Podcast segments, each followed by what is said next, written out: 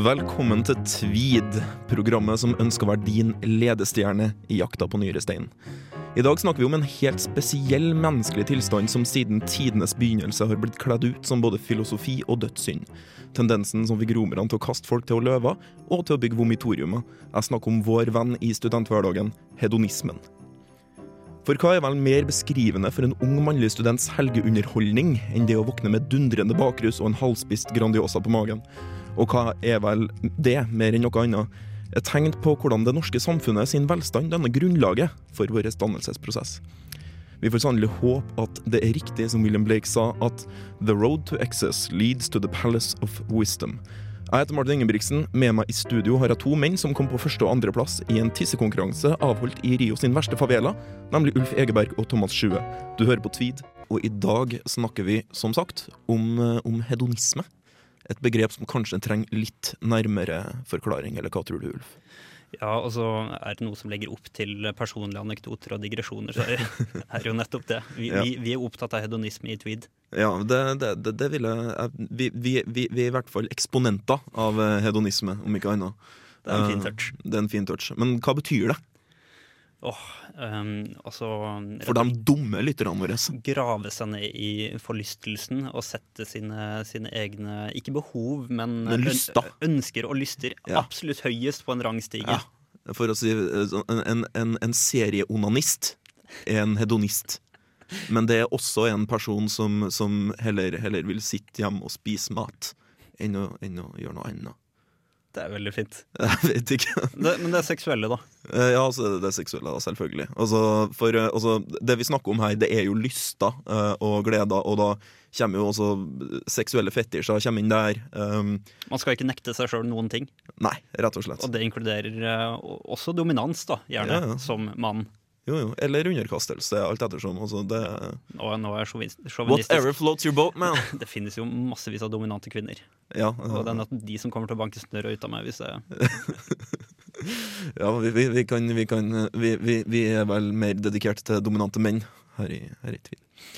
Men uansett, vi snakker om eh, hedonisme, eh, og mm, ja, vi kan snakke litt mer om det senere. Nå kan vi høre på Sufjan Stevens, uh, ikke du det? Ja. Eh, låta heter A Good Man Is Hard To Find, men jeg er ikke sikker på om jeg er enig i det.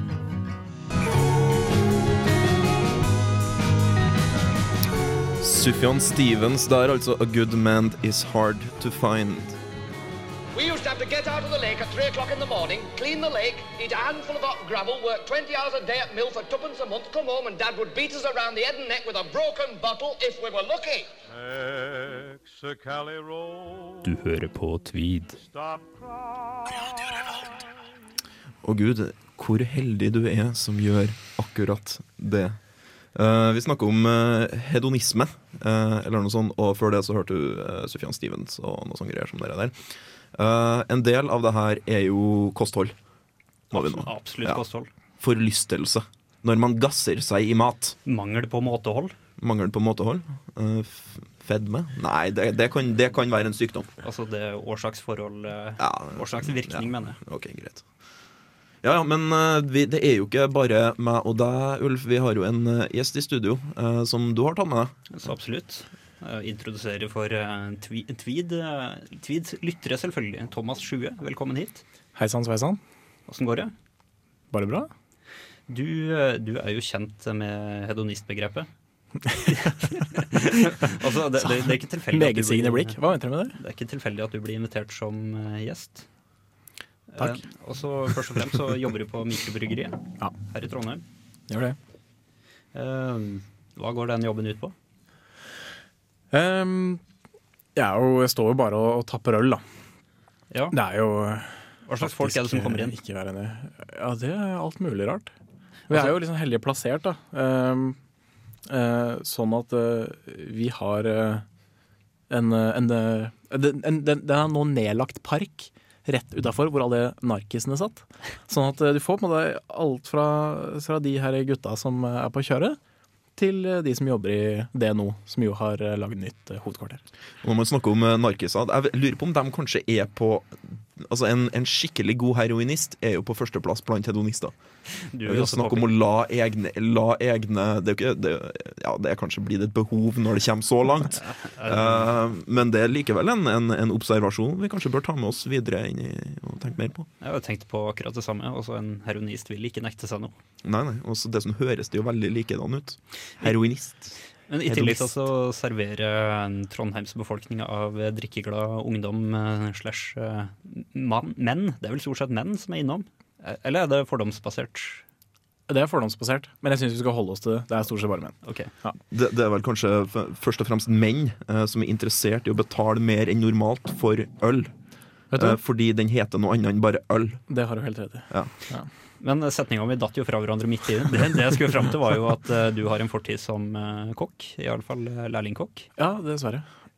Du er ikke helt fornøyd med det? Jo da, jeg er det. Og så Jo da. Er, er- det nok en gang en fordom det også at alle kokker er eh, hedonister som står og gasser seg i maten de lager? Smaker?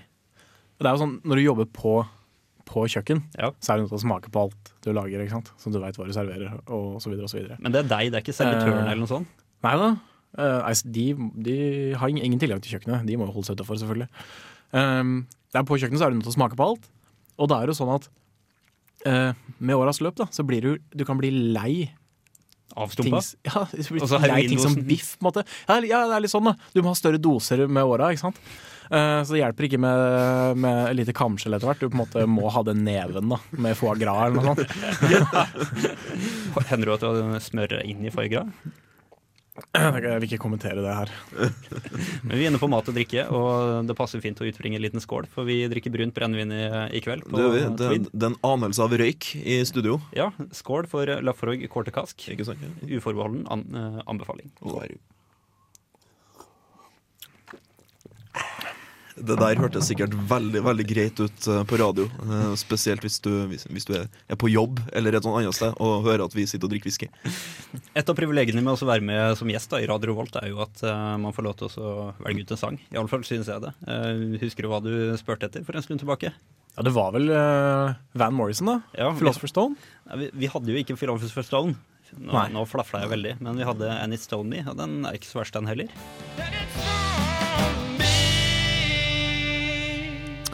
Van Morrison, det er altså en mann som virkelig, virkelig ikke bare kunne, men også kan å synge eh, låta 'And It Stoned Me'. Nå, husker du når den er fra, du, Uff, uh, type 60-70-tallet, Ja, som all 60. annen musikk jeg liker. Ja, ikke sant. Uh, som jeg har sagt veldig mange ganger før i dag, føles det i hvert fall som, så snakker vi om hedonisme. Et begrep som jeg vet ikke, det er kanskje litt vanskelig å komme inn på, men vi liker veldig godt å snakke om det. Vi liker jo også å utføre også selve, selve dåden. Selvfølgelig, Det er jo derfor vi feirer med whisky i studio i dag. Uh, men uh, nå har det jo sånn at Tweed er jo ikke bare et, uh, bare et program som handler om hedonisme. Vi har forskjellige episoder som handler om forskjellige ting. Men likevel har vi ting som går igjen, eh, som på radiospråket heter spalta. Ja, det må jo være en også, Hvis vi skal legge en slags moralsk rettesnor for eh, resten av samfunnet, iallfall den snevre delen som vi henvender oss til, så må vi jo ha litt opplysning, og ikke bare anekdoter. Og en av de her eh, spaltene, Ulf, er jo du som leser fra boka 'Skikk og bruk'. Selve, selve verket. Selve verket 'Skikk og bruk'. Hvordan man ter seg, hvordan man kler seg. Ja, vi skal høre på det nå, men er det noe du vil si først? Eh, Noe noen trenger å vite om, om boka 'Skikk og bruk', som ikke blir nevnt? Bare at den, den er en slags hellig gral innen norsk eh, moralsk eh, rettesnorlitteratur, og man burde anskaffe den selv om den koster jævlig mye penger. Enten det, eller så kan du høre på den her. Vi skal høre på 'Skikk og bruk'. Hedonister verden over vet stort sett å gasse seg i mat, men i selskapelig lag er det plutselig mindre akseptabelt å vise med hele sin oppførsel at man faktisk setter pris på vertens anstrengelser. Det finnes spilleregler når magen skal fylles, og selvfølgelig står de skrevet i skikk og bruk.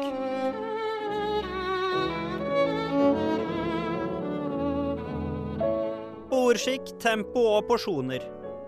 Man må verken spise for fort eller for langsomt, men prøve å holde tritt med de øvrige ved bordet. Ingen må spise så sendrektig at alle de andre blir sittende og vente på vedkommende. Alle må, som det heter hos Brillas-avarien, være reisende som samtidig kommer til målet. Når det er gjester til stede, skal vertinnen spise like langsomt som den langsomste gjest, og alltid være den siste som har noe igjen på tallerkenen. Det man har forsynt seg med, skal man også spise opp. Hvis vert eller vertinne har forsynt en gjest, bør denne også gjøre sitt beste for å spise opp alt. Hvis vert eller vertinne forsyner gjestene, bør disse si ærlig fra om de ønsker mye eller lite. Hvis en gjest ønsker en liten porsjon, må vertskapet rette seg etter dette, og ikke av misforstått gjestfrihet og godvilje øse vedkommendes tallerken full. Hvis man har bedt om en liten porsjon og fått en stor, behøver man ikke å spise opp. Man behøver aldri å drikke mer enn man ønsker av alkoholholdige drikkevarer, og det er galt når det hevdes at glassene må være tomme når man går fra bordet. Selv når man har skjenket i til seg selv av vin eller hetvin, kan man la være å drikke det opp hvis man blir klar over at det blir mer alkohol enn man egentlig hadde villet. Men det er også god skikk, og hyggelig mot vertskapet, å ikke skjenke mer enn man har lyst på, og noenlunde beregne sitt glass, slik at det blir tomt før man reiser seg fra bordet. Ja Er det noen som synder mot dette her? Um... Ja. Det Thomas. Sitter på fingeren i været.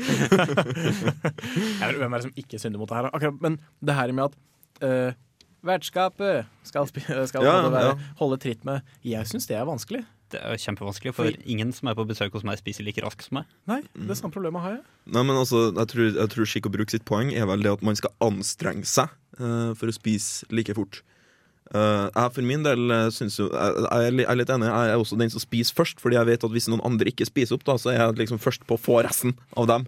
Uh, jeg vet, det sier Skikk og Bruk noe om det her, hvordan det er å overta uh, din, din borddames asjett hvis hun ikke spiser opp uh, tikka masalaen sin. Du blir skutt på flekken. Ja, faen! det høres helt forferdelig ut. Men også, uh, som franskmenn sier det, også alle, de, alle kjenner jo til eh, gourmetuttrykket. Sånn vin kjenner, mat kjenner og all den Eivind organsen. Hellstrøm-greia, liksom. Ja, men eh, jeg syns det er mye mer fornøyelig, iallfall i vår kontekst, å snakke om en gourmand er som rett og slett er sånn matgris som bare lefler i seg massevis av mat. Det, er det, det, er et, det er et veldig fint, eh, fint begrep. Jeg husker jeg ble kalt det som tiåring. Uh, en pizzagourmand.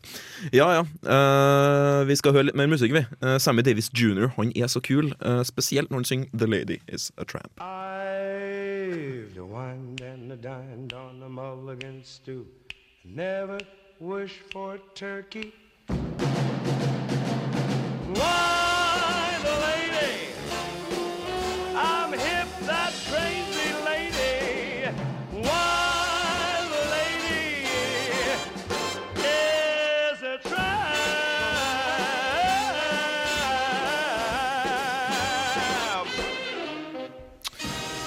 Det var en uh, mann som kunne å synge med munnen åpen. Sammy Davis jr. med 'The Ladies of Tramp'.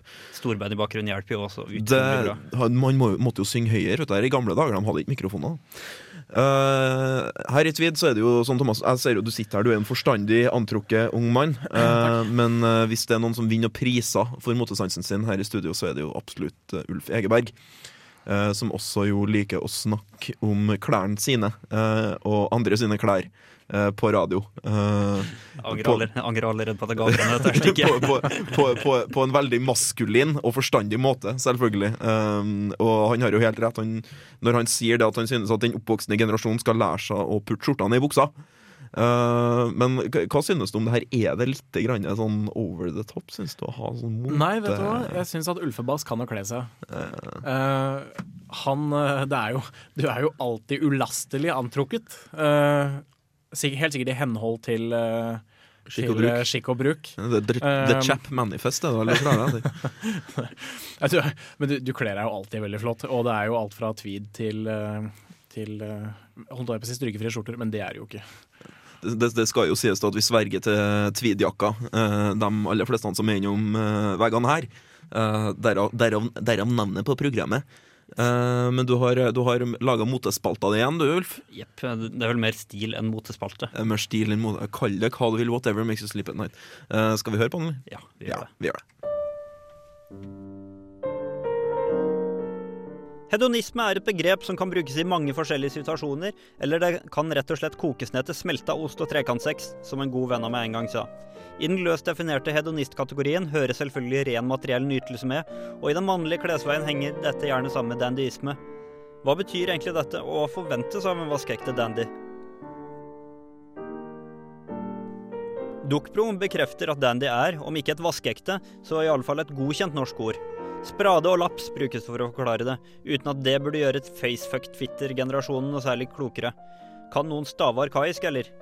Dandyen lever ikke akkurat godt i Norge for tida, og som vanlig legger jeg skylda på joggebukserampen. I England har dandyen en sterkere posisjon, og det står bedre til med definisjonene også. Oxford Dictionary sier A man unduly concerned with looking stylish and fashionable. Dette treffer selvfølgelig redaksjonen til Tvid rett i hjertet, og da kanskje heller mer som tilskuere enn utøvende. Det er noe utvilsomt sjarmerende med en voksen menn som bruker lass med penger og tid på å sette sammen dagens bekledning i henhold til tidløse spilleregler og egne preferanser. Dandy er så visst ikke en tittel forbeholdt penisinnehavere. En kvinne kan også tilstrebe seg tittelen. Problemet er selvfølgelig at hun vanskelig vil skille seg ut fra den gemene kvinnehop ved å bruke et kvarter i garderoben før hun kler seg. Generell oppvekst, det er et ubestridelig faktum at flere kvinner er klesbevisste enn menn. Dette står i sterk kontrast til de fleste dyrearter, hvor hannen ofte er den som må spjåke seg ut med fargepryd for å tiltrekke seg kvinnenes oppmerksomhet. Hvordan kjenner du igjen en dandy? Her til lands kan du kaste et raskt blikk på skoene til vedkommende. I Norge virker det som om mannlige skoinnkjøp nesten utelukkende blir basert på funksjonalisme, og aldri det estetiske i en vakker, håndlagd sko fra f.eks. Northampton. Andre ting er også gode hint. Dresser og jakker i andre farger enn svart og blått. Sløyfer, blomst på jakkeslaget, vester, fargerike sokker, dyre paraplyer, silkeskjerf og lommetørkle i jakkelommen. Det er synd å påpeke det, men 2011-dandyen kjennetegnes stort sett ved at han bruker klær og utstyr enhver mann med god smak brukte for bare 50 år siden. Du kan også gå den andre veien og bruke berømte dandyer som rettesnor, og den mest berømte av dem alle heter selvfølgelig Oscar Wilde. En lærd mann, ekspert i de klassiske fag, som skrev dikt, skuespill, en bok, og som fungerte som skribent i aviser, men som minglet i de høyeste sosiale kretsene datidens London kunne by på. Klessmaken hans var flamboyant, og han var viden kjent for sitt gode humør og sine sosiale evner. Den perfekte dandy som ikke nektet seg noe som helst, noe som også illustreres av de skandaløse rettssakene hvor han ble anklaget for å ha omgang med mannlige prostituerte. Ser du etter mer moderne eksempler, kan du kikke litt på Stephen Fry. Burde du bli en dandy? Tja, trives du når du kler deg ut? For det er ikke til å unngå at du får blikk kasta etter deg når du tar på deg de mest glinsende klærne.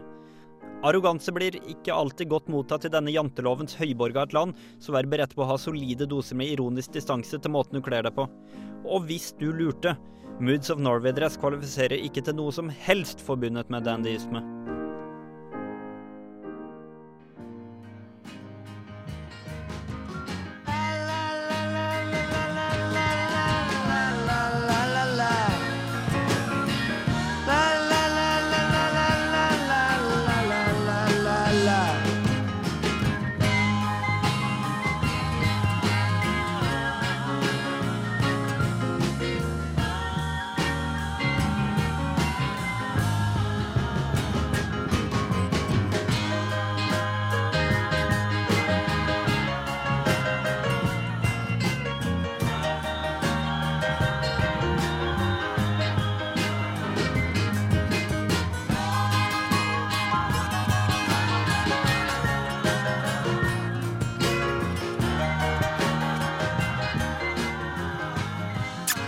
Sånn skal det gjøres. Bob Dylan, 'The Man In Me'.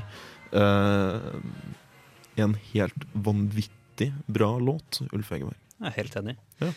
Thomas Sjue, vår ærede gjest i eh, Tweed studio i dag. Eh, Vi har, eh, vi allerede etablert at du er en hedonist på matfronten, og eh, du er ikke, du er ikke fremmed for å være hedonist på drikkefronten heller. Nei, og det er jo til eh, noens store fortvilelse. Eh, Eller fornøyelse. Altså, du, til min fornøyelse. Uh, til dine venners fornøyelse. til din fornøyelse og andres forlystelse, kanskje. Uh, absolutt. Men, men, men så har jeg jo en, en såkalt samboer.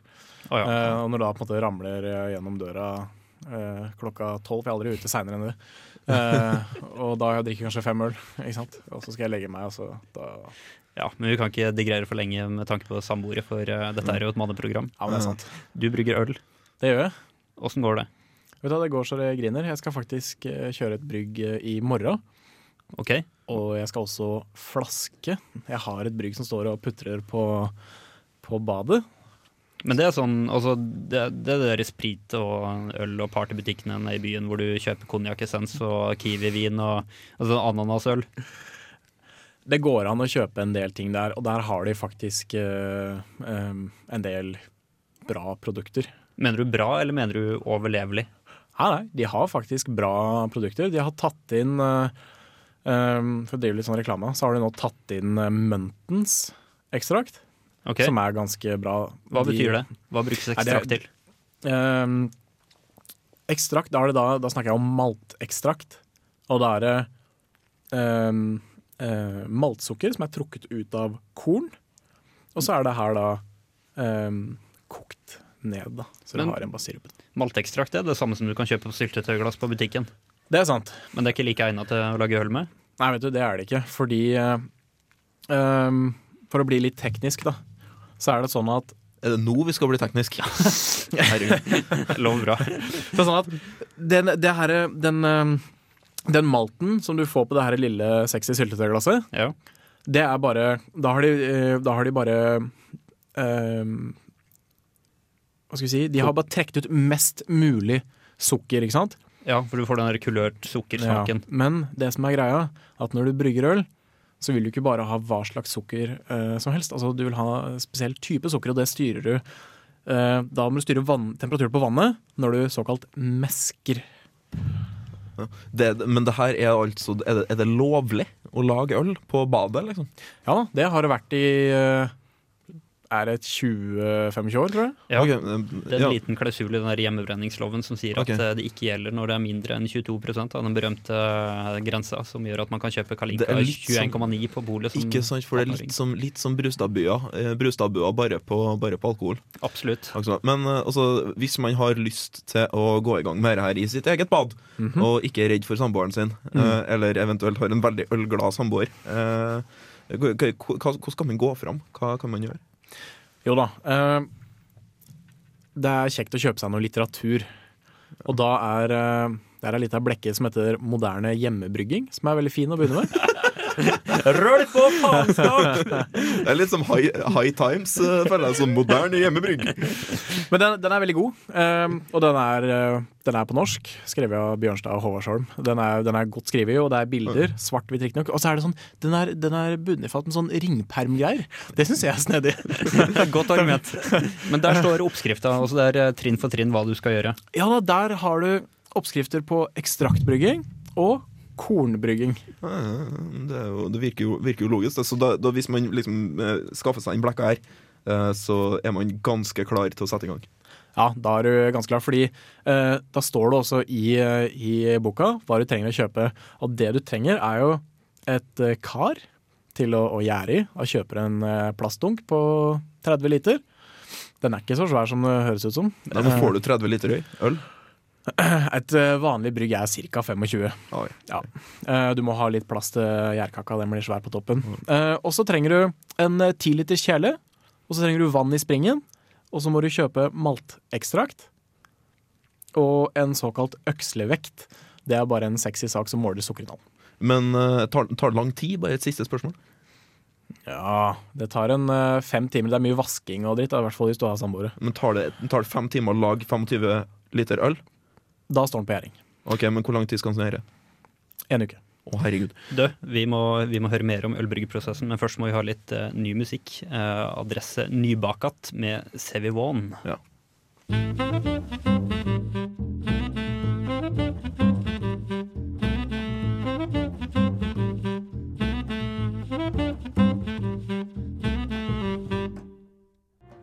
Ja, hvis eh, du liker det som tuner ut her, så heter det Nybakat! Utropstegn, og låta heter Sevivon. Uh, ny jazz for, eh, for nye ører. Du hørte her først, eller kanskje for andre gang. Vi gjør et veldig stort poeng av at vi faktisk spiller ny musikk for første gang. Ja. Det, det, det er andre episode allerede, så det har ikke venta så lenge på seg. Nei, Uh, og det som spilte vel Sufjan Stevens før i dag, det var vel også ganske ny? ja, ti år gammel. En ti år gammel? Ja. Wow. Eh, vi har brukt uh, størstedelen uh, av den foregående timen på å snakke om, om hedonisme. Som jo er, som vi vet, et begrep som burde være alle i Norge svært kjent, fordi det er det vi driver med her til lands. siden vi har, så, vi har ræva full av penger og munnen full av mat. Og god tid. Og veldig, veldig veldig god tid, sånn i forhold til veldig mange u-land hvor det, bare det å hente vann tar tre timer.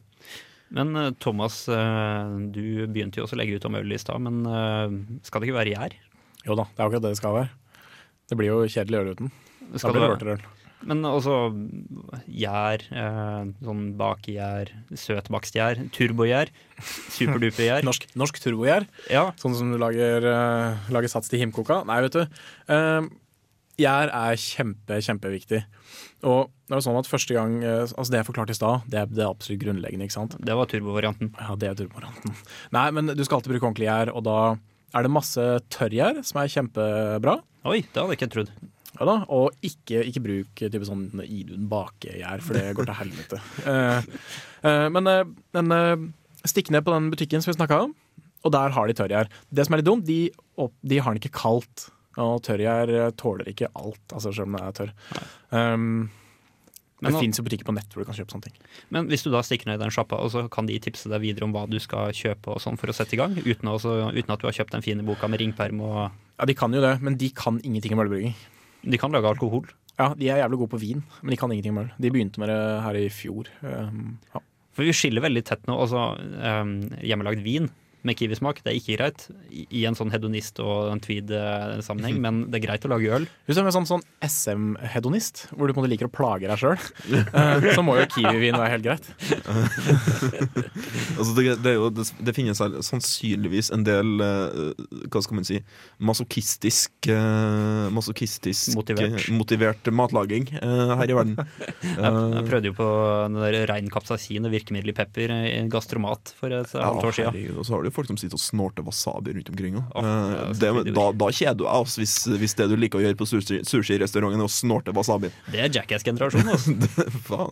Men øh, vi har jo det vi trenger nå, og vi har et rom å gjøre på, og Mm. vi har uh, sagt pene ting til dama og, og for å få lov til det der. Blir godt til slutt. Ja, men det gjør det.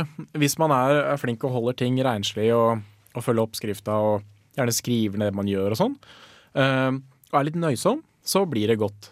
Um, og så får du jo sånne Når jeg sier maltekstrakt, og vi snakker på sånn super basic nivå, så snakker jeg om ferdig humla maltekstrakt som er tilsatt humle. Uh, det er jo det som gir den deilige florale smaken i, i øl, og bitterhet, det er humle.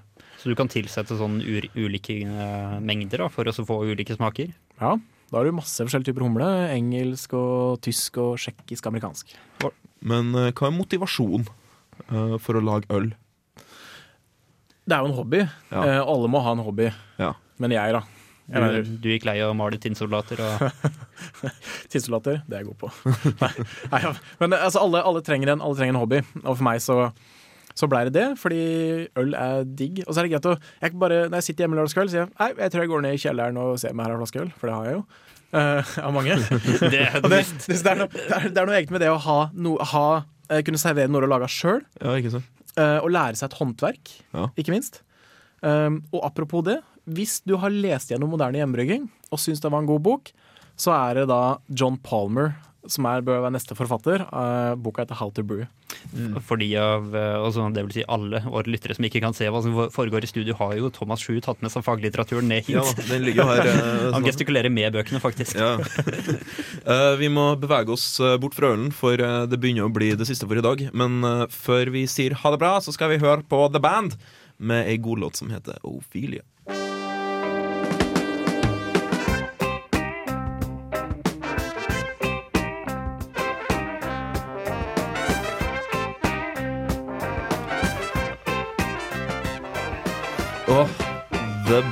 Band med alle tiders Levon Helm på vokal. Er det trommisen, for dem som lurer. Låta heter Ophelia, og jeg sier bare flere blåsere i rocken. Det er en glemt kunst. Rett og slett. Ompa. Uh, tweed er straks over, men uh, for å oppsummere uh, Vi har snakka om hedonisme. Vet vi noe mer nå enn vi gjorde for en times tid siden? Det blir også istedenfor å så um, Dansa mye rundt grøten, kanskje? Ja, dansa mye rundt grøten, men avdekka eh, vårt forhold til det, tror jeg. Og kanskje det har litt grann med sånn Trondheim-studentens eh, måte å være hedonistisk på også, tror jeg. Ja. Om ikke direkte tidligere program, så kan vi ta det direkte nå. Eh, jeg er en hedonist på den måten at når jeg skal sitte hjemme og skrive oppgave, så finner jeg på en unnskyldning for å gå ut og ha det trivelig isteden.